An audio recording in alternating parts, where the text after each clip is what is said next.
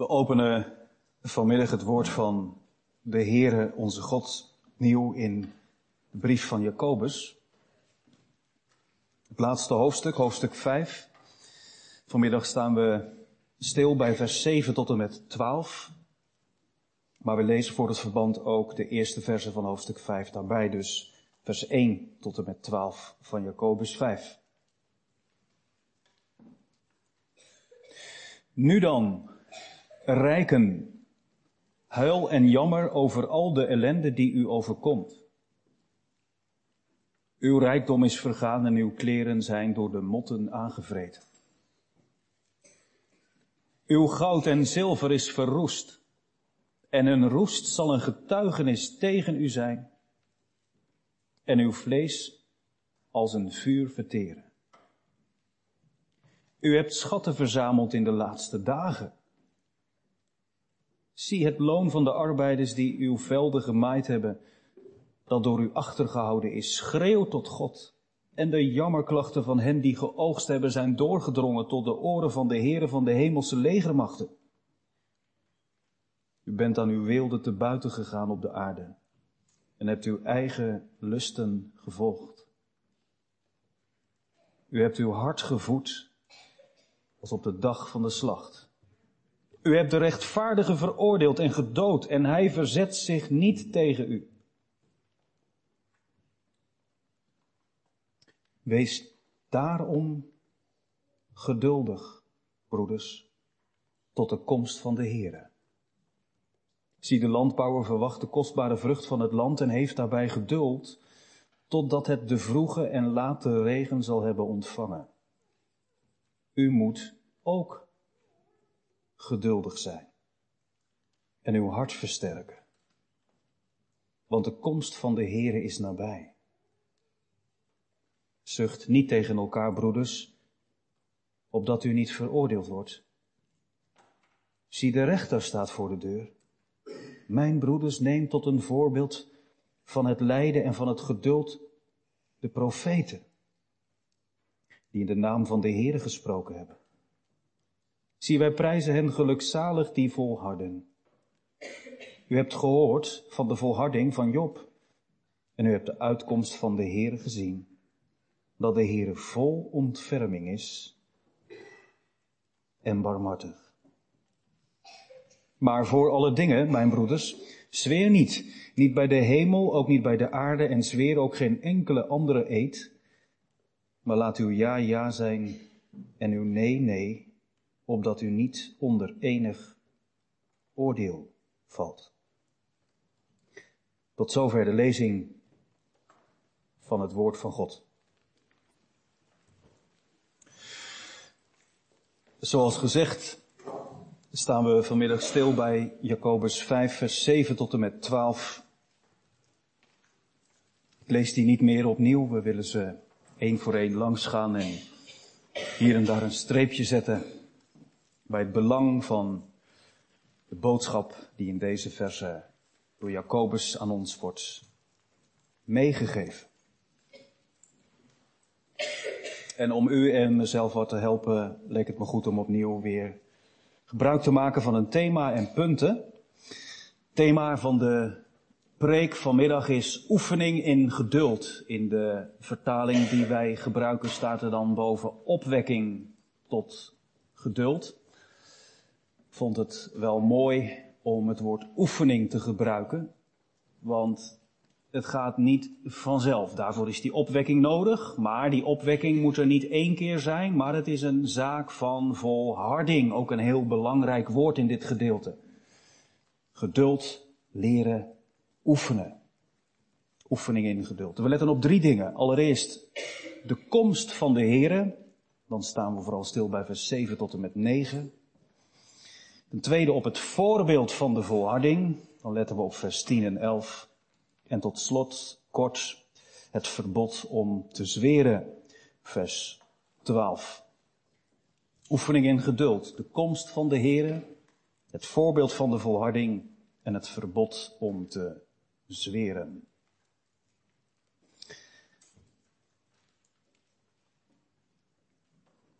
Ik had het niet zozeer aanzien komen als ik het niet had geweten dat het er stond. Stel je voor dat je Jacobus 5 voor het eerst in je leven leest en dan denken we meteen even terug aan de preek van de vorige keer, vers 1 tot en met 6. Daar heeft Jacobus de rijken er behoorlijk van langs gegeven. En dan niet omdat ze rijk waren, maar omdat ze hun rijkdom verkeerd gebruikten. Voor hun eigen verlangens. En de mensen die op hun weg werden geplaatst, mochten daar niet in delen. En in de stijl van de oud-testamentische profetie heeft hij duidelijk gemaakt, het is een keer klaar met jullie. De onderdrukking die ik zie, daarvan weet ik, God hoort dat ook. Het onrecht wat jullie anderen aandoen, daar komt God een keer op terug. Jullie zijn zo opgegaan in je rijkdom dat je je hart hebt vet gemest en er komt een afrekening. En dan zal je leven tegen je getuigen. Daar helpt geen lieve duit aan. Hoe vreselijk ook, begin maar zo vast met jammeren. Voor degenen die vanmiddag voor het eerst zijn. Ik heb de vorige keer het eerste deel van de preek gebruikt om de vraag te beantwoorden: kun je dit vandaag de dag ook wel zo doen? En toen hebben we met elkaar de conclusie getrokken, althans ik. En ik, eh, uit uw stilzwijgen heb ik maar aangenomen dat u het er in ieder geval redelijk mee eens was. Dat het vandaag de dag ook heel belangrijk kan zijn dat wij onze stem verheffen. Spreken is goud en zwijgen is fout, weet u nog? Als je het onrecht ziet gebeuren, dat je er geen genoegen mee neemt. Dat je dan niet te snel zegt, ja, we mogen niet oordelen. God komt te wraken toe, zeker. Maar die Bijbelteksten staan niet in de Bijbel om het kwaad maar zo te laten gebeuren. Wie het hart van God kent, zal toch ook dat vuur in zich krijgen om het op te nemen voor het zwakke. En nee, dat is niet zomaar een plat horizontaal geloof, een bevrijdingstheologie die geen recht doet aan de schrift. Integendeel. En zo hebben we het spoor getrokken vorige keer om helder te krijgen hoe wij vandaag de dag dat ook kunnen doen. Daar ga ik nu niet verder dieper op in, maar dat brengt mij bij mijn eerste zin van de preek. Ik had het niet aanzien komen. Je zou toch verwachten als Jacobus opgewarmd is hè, door die vurige taal. En hij het tegen die rijken buiten de gemeente heeft geuit en, en, en de mensen lezen mee dat hij dan in die brief of tijdens de samenkomst, hè, waarin gepreekt werd, zo eens rond zou kijken of ze bij de hand zou nemen en zeggen, nou, wat vonden jullie daar nu van? Eindelijk iemand die het eens echt zegt, hè, zwart op wit waar het op staat. En terecht, wat ze jullie allemaal aan hebben gedaan. Ik heb het met liefde voor jullie opgenomen. En ik hoop dat er steeds meer mensen komen, steeds meer broeders opstaan in de gemeente die ook tegengas durven geven. En dat doet hij niet. Nadat hij het gevaar van buiten de gemeente heeft beschreven en hij gewaarschuwd heeft voor de afrekening die aanstaande is, dat God wel degelijk recht zal doen, keert hij zich weer naar de gemeente, de christenen in de gemeente. Je ziet dat meteen in die aanduiding broeders. Wees daarom geduldig, broeders. Niet neem het woord, ga op je achterste benen staan. Zoek elkaar op. Met elkaar zijn we sterk. Laten we erop uitgaan pamfletten, spandoeken, zouden wij vandaag zeggen? Nee. Het kwaad is wel heel duidelijk aangewezen en van een grote kanttekening voorzien. God komt om dat kwaad te bestraffen. Het kan niet zo zijn dat de armen moeten lijden en de rijken overlopen van wilde. Maar als die armen in de gemeente dan worden aangesproken, Blijken zij genoeg te hebben aan zichzelf? En is het niet de allerbelangrijkste taak van een christen om ze gelijk te halen, maar om geduld te leren? Daar heb je en moed voor nodig, om dat in zo'n situatie tegen die verdrukte mensen te zeggen, maar ook een rotsvast godsvertrouwen dat dit dus wel werkt. Want wees nou eens eerlijk.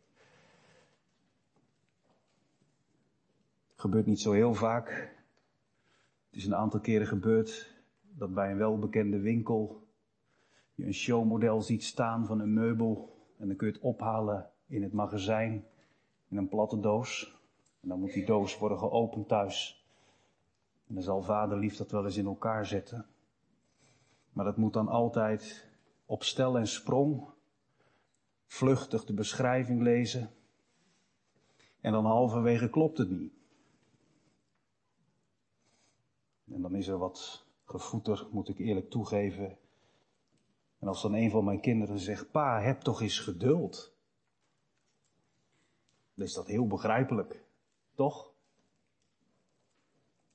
Laten we nou nog eens even rustig naar die beschrijving kijken. Kijk, u hebt daar zo'n pinnetje vergeten en nou, u, u, kent het misschien of niet, maar niemand vindt dat vreemd dat dan iemand tegen je zegt, doe nou eens rustig, wees nou eens geduldig. Maar in deze situatie, stel je voor dat er evangelisten in Oekraïne zijn, in Kiev bijvoorbeeld, en ze staan op straat en ze zien daar een weduwe van wie de dochter is verkracht en de man is vermoord, huilen. O God, doe ons recht. Waarom overkomt ons dit? Dit kan toch niet waar zijn? En dat die evangelist zegt, wees eens een beetje geduldig. Dat is een boodschap. Dat moet wel van God zijn. En er is best moed voor nodig. Misschien is dat nog wel moeilijker dan het voor die mensen opnemen door het onrecht te bestraffen. Jacobus keert zich tot die mensen die worden uitgebuit, tot de verdrukte.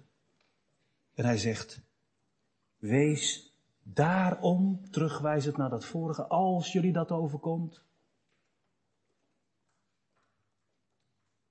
zelfs als je leven ermee gemoeid is, en je als een rechtvaardige toch wordt veroordeeld, wees daarom geduldig, broeders.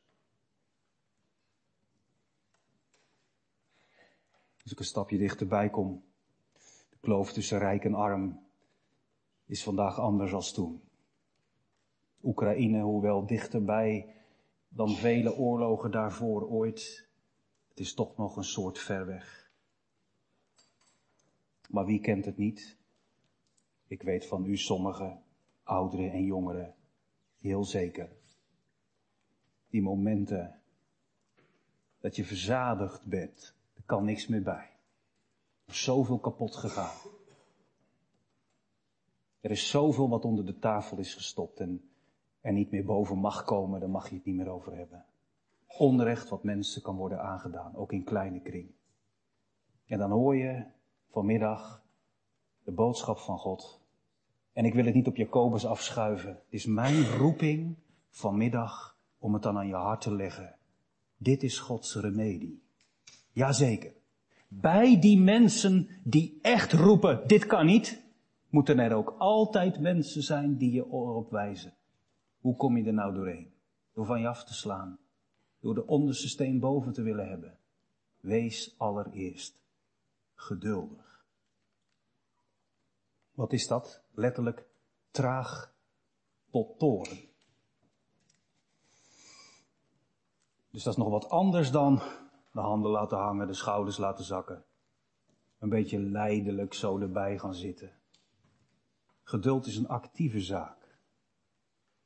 Dat is de woede van binnen onder Gods genade. In toom houden. Hoe, hoe terecht die woede ook kan zijn. Traag tot toren.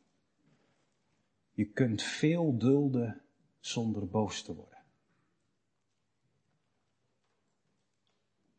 Nou, Jacobus, Dat moet toch wel heftig binnen zijn gekomen, toch, bij die broeders van je?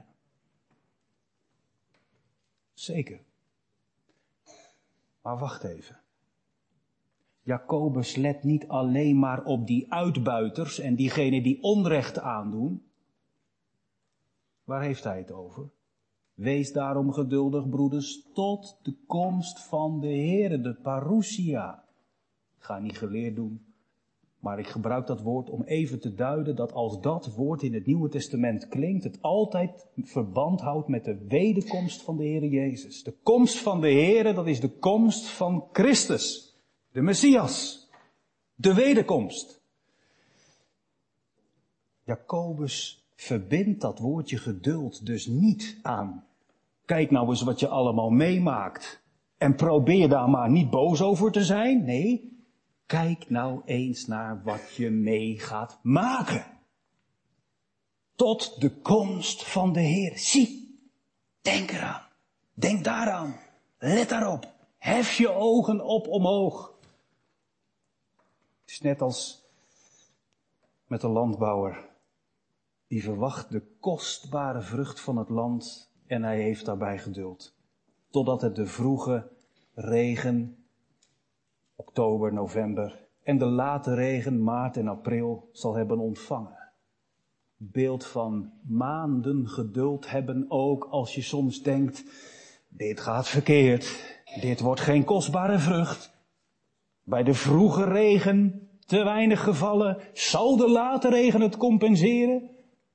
Of dat je heel blij tijdens de vroege regen in november nog dacht, nou dit kan niet misgaan, nog even de late regen eroverheen. En dan, dan breekt die oogst los en dan, dan lijkt het wel minder te zijn. Daar is geduld voor nodig. Het beeld voor die mensen in die tijd heel bekend. Zo moet u ook, vers 8, geduldig zijn. En hoe doe je dat dan? Uw hart moet je versterken. Dat is precies het tegenovergestelde als wat die rijke mensen deden, waarover het in vers 5 gaat. Hè?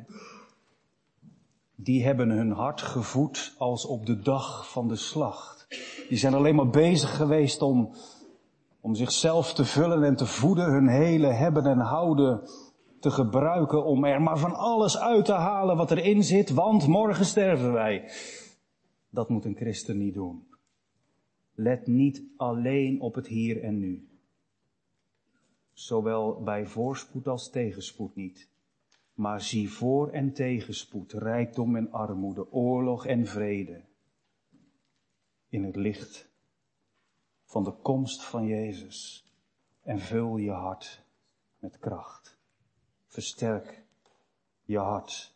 Je komt het tegen, ook in 1 Thessalonicense 3, vers 13, waar Paulus zegt, dat is zo mooi hè, opdat God uw hart zou versterken, om onberispelijk te zijn in heiliging voor het aangezicht van God en bij de komst van de Heer Jezus Christus. Het is dus een opdracht en het is een geschenk. God beveelt het en hij geeft het. Je hart versterken, wat is dat? Zorgen dat het van binnen gezond blijft. Wraak zorgt er zomaar voor dat je een wrak wordt. Wie is sterk, ook als het onrecht over je heen raast? Niet per definitie degene die het onrecht neersabelt, maar die buigt in het licht van de bazuin die zal klinken en de rechter die zal komen. Ik versterk mijn hart met hoop. Ik voed mij met de belofte van God. Hij zal het horen. Jezus heeft die gelijkenis verteld hè, van die weduwe die bij die onbarmhartige rechter komt. En die rechter, die wordt op een gegeven moment zo moe, die zo klaar met dat geroep om recht, dat hij denkt om van dat mens af te zijn. Zal ik hem maar verhoren? Zal ik maar zorgen dat de zaak wordt opgelost? Dan ben ik tenminste van haar af. als een onbarmhartige rechter dat doet om van zo iemand af te zijn, hoeveel te meer gij uitverkorene, uw hemelse vader, als die zijn kinderen dag en nacht hoort roepen, doe ons recht.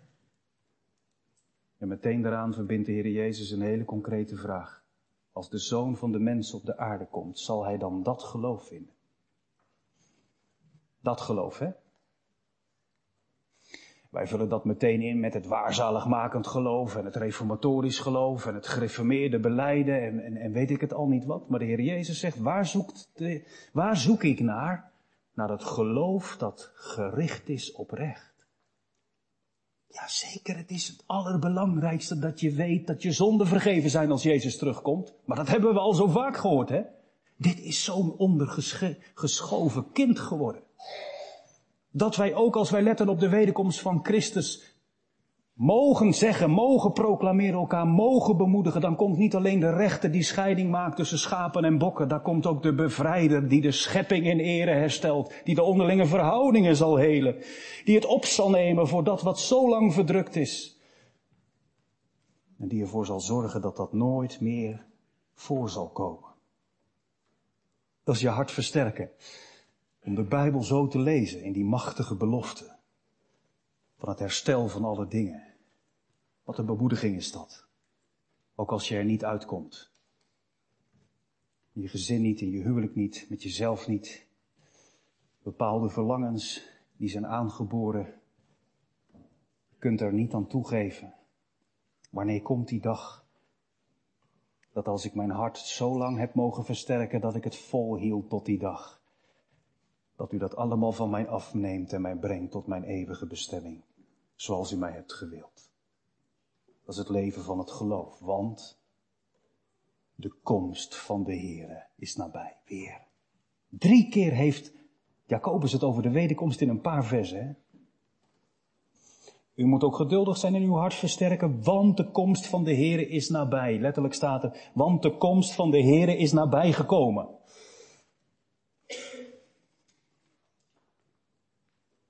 Die toekomst, die komt eraan.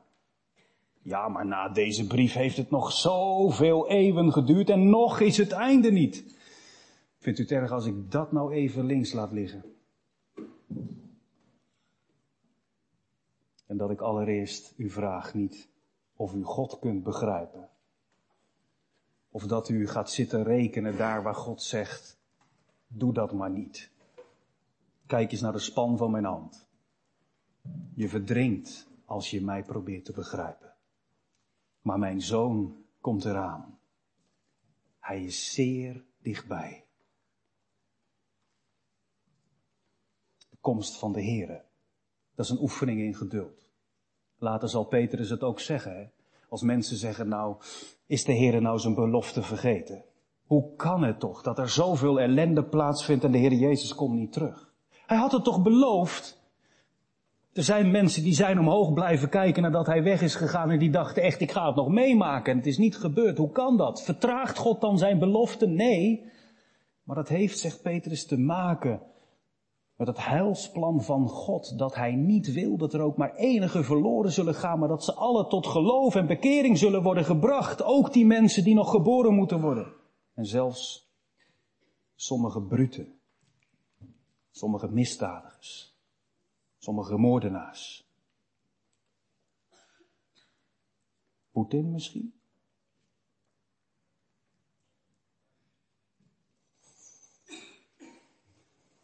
De komst van de Heere is een oefening in geduld. Heere, leer mij u te vertrouwen.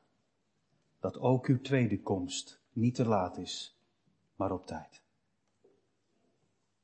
Tweede gedachte voorbeeld van de volharding. Ja, want in vers 9 zie je de keerzijde van de volharding. In vers 9 zegt Jacobus, zucht en jammert niet tegen elkaar. Dat staat er trouwens letterlijk. Jammert niet tegen elkaar, broeders, opdat u niet veroordeeld wordt. Zie, de rechter staat voor de deur. Komst van de Here is de komst van een rechter. Je mag wel jammeren naar de Heer. Je mag wel smeken om recht. En je mag dankbaar zijn dat er broeders in de gemeente zijn die opstaan en die daar wat van vinden. Maar als je met elkaar niet meer bent dan een groep lotgenoten. En elkaar bevestigt in wat je allemaal is aangedaan. Voor je het weet, bouw je elkaar niet op, maar breek je elkaar af. Broeders, jullie moeten niet alleen maar jammeren. Want er komt ook voor jullie een oordeel aan. Wist u dat? Is Jezus je redder? Is God uw vader? Dan hoeft u niet bang te zijn voor de oordeelsdag. Dan niet. Maar het is niet zo zoals sommige mensen zeggen, als Jezus je redder is op aarde, zal hij niet meer als je rechter komen. Dat is niet buiten. Alleen het grote verschil is, als hij hier je redder was, is de rechter dezelfde persoon en dan zal hij je vrij spreken. Maar je wordt wel geoordeeld. Ik leer dat van Paulus als hij het heeft over de gemeente van Christus die gebouwd wordt. Op het fundament van Jezus alleen. En wij worden geroepen om op dat fundament van Jezus offers te bouwen tot eer van Hem. Maar niet alles is goed. Er zal hout en hooi zijn dat verbrand wordt door God. Die hoogmoedige gedachte. Dat velen zwijgen terwijl je had moeten spreken. Dat velen spreken terwijl je had moeten zwijgen. Dat oren wassen in plaats van voeten wassen. Heel veel ik gaat niet mee naar de nieuwe aarde. Dat wordt allemaal verbrand. Maar dan ga je niet door naar de hel. Want het fundament is Jezus. Alleen dat wat je voor Jezus hebt gedaan. En is dat niet juist vaak een liefdesbetoon aan een broeder, aan een arme? Aan iemand uit Jemen, uit Syrië, uit Oekraïne. Of, of die man of die vrouw in de gemeente, dat jongen of dat, die jongen of dat meisje, wat, wat, wat dat anders is je daar aandacht aan gegeven hebt. Dat zegt Jezus, dat is goud, dat blijft, dat gaat mee. Als Jacobus hier schrijft, zucht niet tegen elkaar broeders op dat u niet veroordeeld wordt, dan zegt hij niet van, kijk uit hoor, niet te veel jammeren, want dan ga je straks verloren. Nee, dan ga je straks anders naar de nieuwe aarde. Ook jouw leven wordt geoordeeld, ook als je slachtoffer bent. Ook als je slachtoffer bent van misbruik, ook als je slachtoffer bent van fraude, ook als je slachtoffer bent van onrecht. Dat wil niet zeggen dat alleen maar degene die jou onrecht aandeed of misbruikt heeft geoordeeld wordt. Ook u, als u gelooft. Daarom, als je nou straks voor de troon van Jezus staat. En Jezus moet zeggen, je hebt heel veel met elkaar gezucht over wat het niet was. En ik heb weinig gezien wat het wel was. Is dat ook een bemoediging dat hij je daarbij wil helpen. Dat het dus mogelijk is om ook het onrecht en wat dan ook te boven te komen als wij ons hart versterken. Hoe iemand je ook kapot kan maken, als het hart vol is met God en vol wordt van God, dan mag je volharden.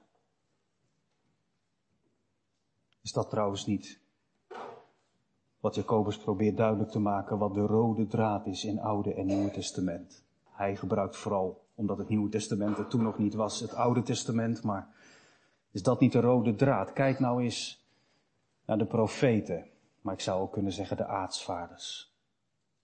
Kijk nou eens naar het volk van God als collectief Israël.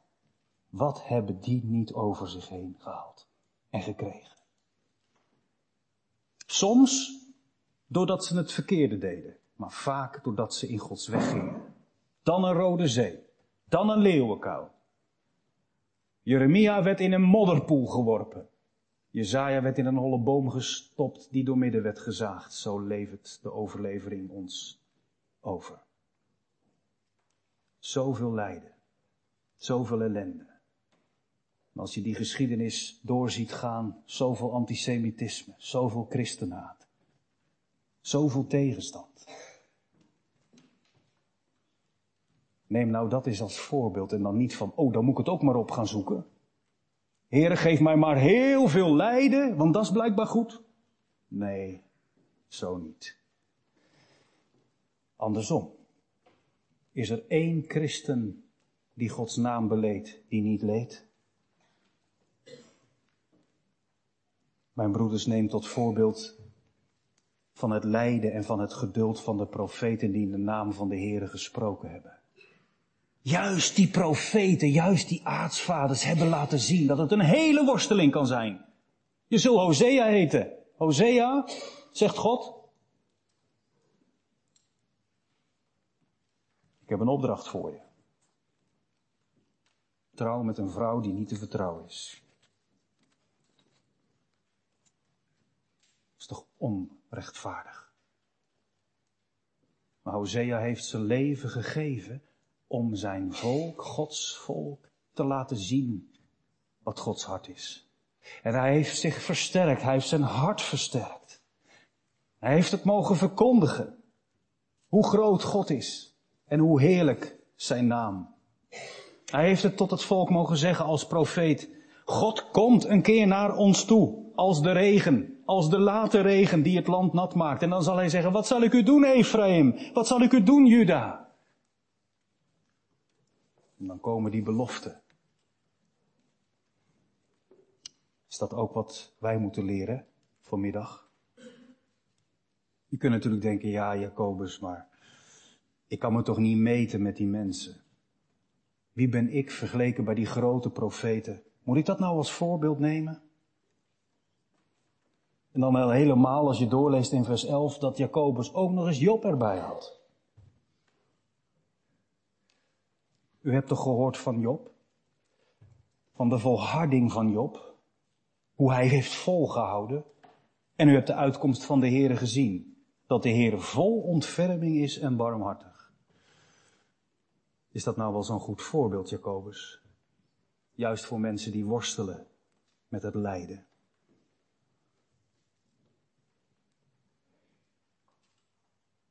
Moeten we deze tekst dan maar parkeren? Moeten we dan maar doen alsof het in de Bijbel over andere mensen gaat dan wij, mensen van vlees en bloed? Wist u dat het grootste gedeelte, ja dat wist u als u tenminste nog herinnert, ik heb het u eerder gezegd. Het grootste gedeelte van het Bijbelboek Job bestaat uit één groot dispuut, één groot gevecht tussen Job en God. Waarom? Het kan toch niet zo zijn, Heere God, dat ik dit allemaal mee moet maken.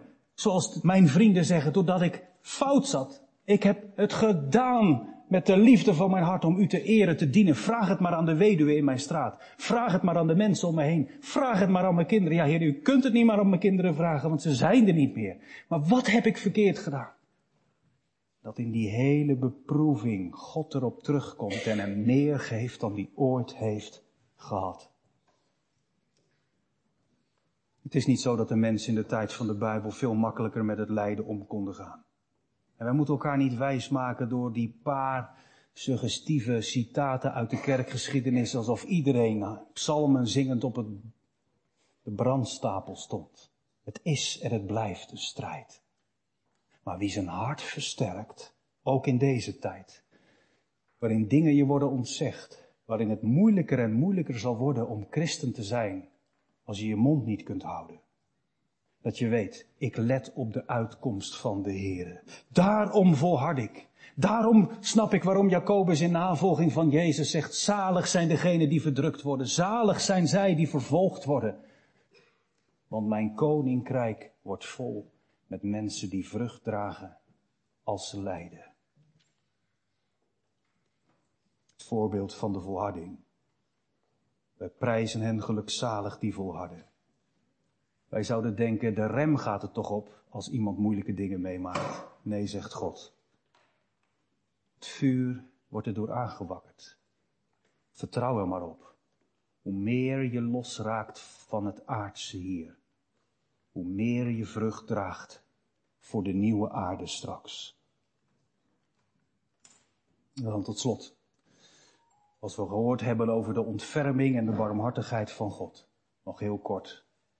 Dat laatste vers. Is dat er nou niet bijgehaald?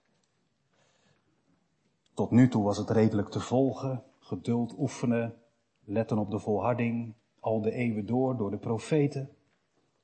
Het besef dat we worden geoordeeld.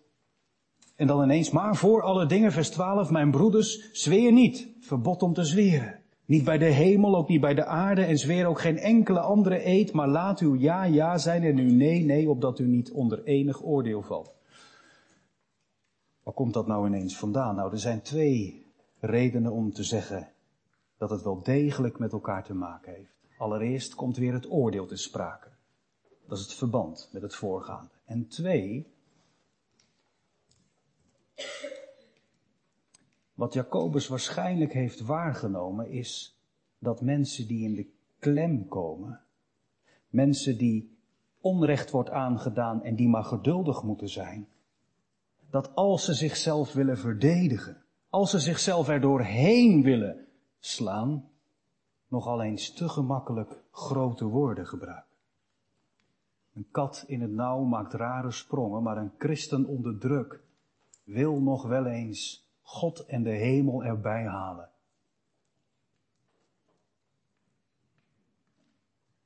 Om jezelf te bemoedigen. En dat is wat Jacobus afkeurt. Gebruik niet zomaar, naar buiten toe niet en naar elkaar toe niet, de naam van God van. En in de naam van God. Zo God leeft, ik zal. Want hoe harder je dat roept en hoe vaker je dat doet, hoe groter het risico dat je daarmee je eigen onmacht wil benadrukken en je eigen onbetrouwbaarheid laat zien. Toch? Waarom zouden wij God erbij moeten halen als wij doen wat Hij zegt? Waarom zouden wij de naam van God erbij moeten halen als wij doen wat Hij zegt? Jezus zei het ook, laat u ja ja zijn en u nee nee. Als wij doen wat God van ons vraagt en wij doen wat we zeggen, er is geloof en er zijn de daden, dan hoeven wij niet krampachtig altijd de hemel en God erbij te halen. Dat is ook wel heel bevrijdend. Het verbod om te zweren is eigenlijk een gebod om betrouwbaar te zijn. Hoe harder je gaat roepen, het is wel heel geestelijk hoor, en God wil het ook hoor. Hoe gemakkelijk overschreeuw je dan niet jezelf? God weet wel dat je hem nodig hebt. Laat het dan maar zien aan je kinderen. Laten wij het maar zien aan elkaar. Hoe we met elkaar omgaan. Wij vertrouwen dat God komt recht doen. Ik hoef niet meteen allerlei grote woorden te spreken om te zeggen, maar eens komt het hoor. Het komt. Laat ik daarom tot die tijd maar volharden in toewijding. Heren, leer mij volgen. Heren, leer mij mijzelf verloochenen. Heren, leer mij op te komen voor recht, zonder daarmee een ander weg te zetten. Kortom, dat was het al hoor, punt 3. Dus dan heb ik nog twee minuten tijd om kort samen te vatten wat u tot nu toe hebt gehoord. Ik denk dat dat wel goed is. Opwekking, oefening tot geduld. We hebben gehoord hoe belangrijk het is dat wij weten, er komt een moment dat Jezus de deur opentrekt en zegt, zie hier ben ik. En nou is het afgelopen met alle onrecht. En ik heb alles gehoord en ik heb alles gezien en ik weet hoe het zit. En het is voor altijd voorbij. En dat je op mag ademen als je Hem gelooft en weet, Heer, nou ben ik niet alleen maar van de zonde af, maar nou zal er nooit meer dat knagende, zeurende gevoel zijn van pijn, omdat het, omdat het nooit erkend is, omdat het altijd is weggewuifd. Komst van de Heere is reden om te weten, Hij komt rechtzetten. Maar, dat zagen we ook, die komst van de Heere moet ons ook met ontzag laten leven. We kunnen niet alleen maar tegen elkaar zeggen, ach, wat is ons allemaal aangedaan, en dan maar geen vruchten voortbrengen. De Heer zal ook kijken naar wat er niet en wel voor hem is gedaan. En om ons te bemoedigen hebben we gehoord in het tweede deel van de preek, het de volharding van velen die ons zijn voorgegaan. Met een lach en een traan. De ene op een hele gruwelijke wijze en de andere ergens stilletjes in eenzaamheid, wegkwijnen door honger. En in onze tijd, op zoveel verschillende manieren, is er lijden onder christenen. Maar let erop, wie volhardt tot het einde, zal zalig worden. En dat volharden is niet alleen maar mijn spierballen laten zien, maar mijn hart versterken in Hem die zegt, kom maar, kom maar weer halen. Heb je hoop nodig? Heb je liefde nodig? Heb je geloof nodig? Is het de moed die je ontbreekt? Kijk eens wat er hier allemaal in mij, de barmhartige God, te halen is. En zo mag ik de naam van God gebruiken. Niet Hem erbij halen, omdat ik mijn eigen falen moet verbloemen. Maar als ik doe wat Hij zegt, ja zeg en ja doe, weet ik, Hij zal er bij me zijn. Misschien is er wel een jongere, ik weet het wel zeker, want het werd mij voor de dienst gevraagd. Zou u nou eens in één zin willen samenvatten wat ik deze week met deze preek mag doen? Mag ik dan dit aan je meegeven, aan u als jongere en ouderen? Wees geduldig. Lees niet alleen de krant. Blijf dicht bij de Bijbel en verwacht Jezus. Amen.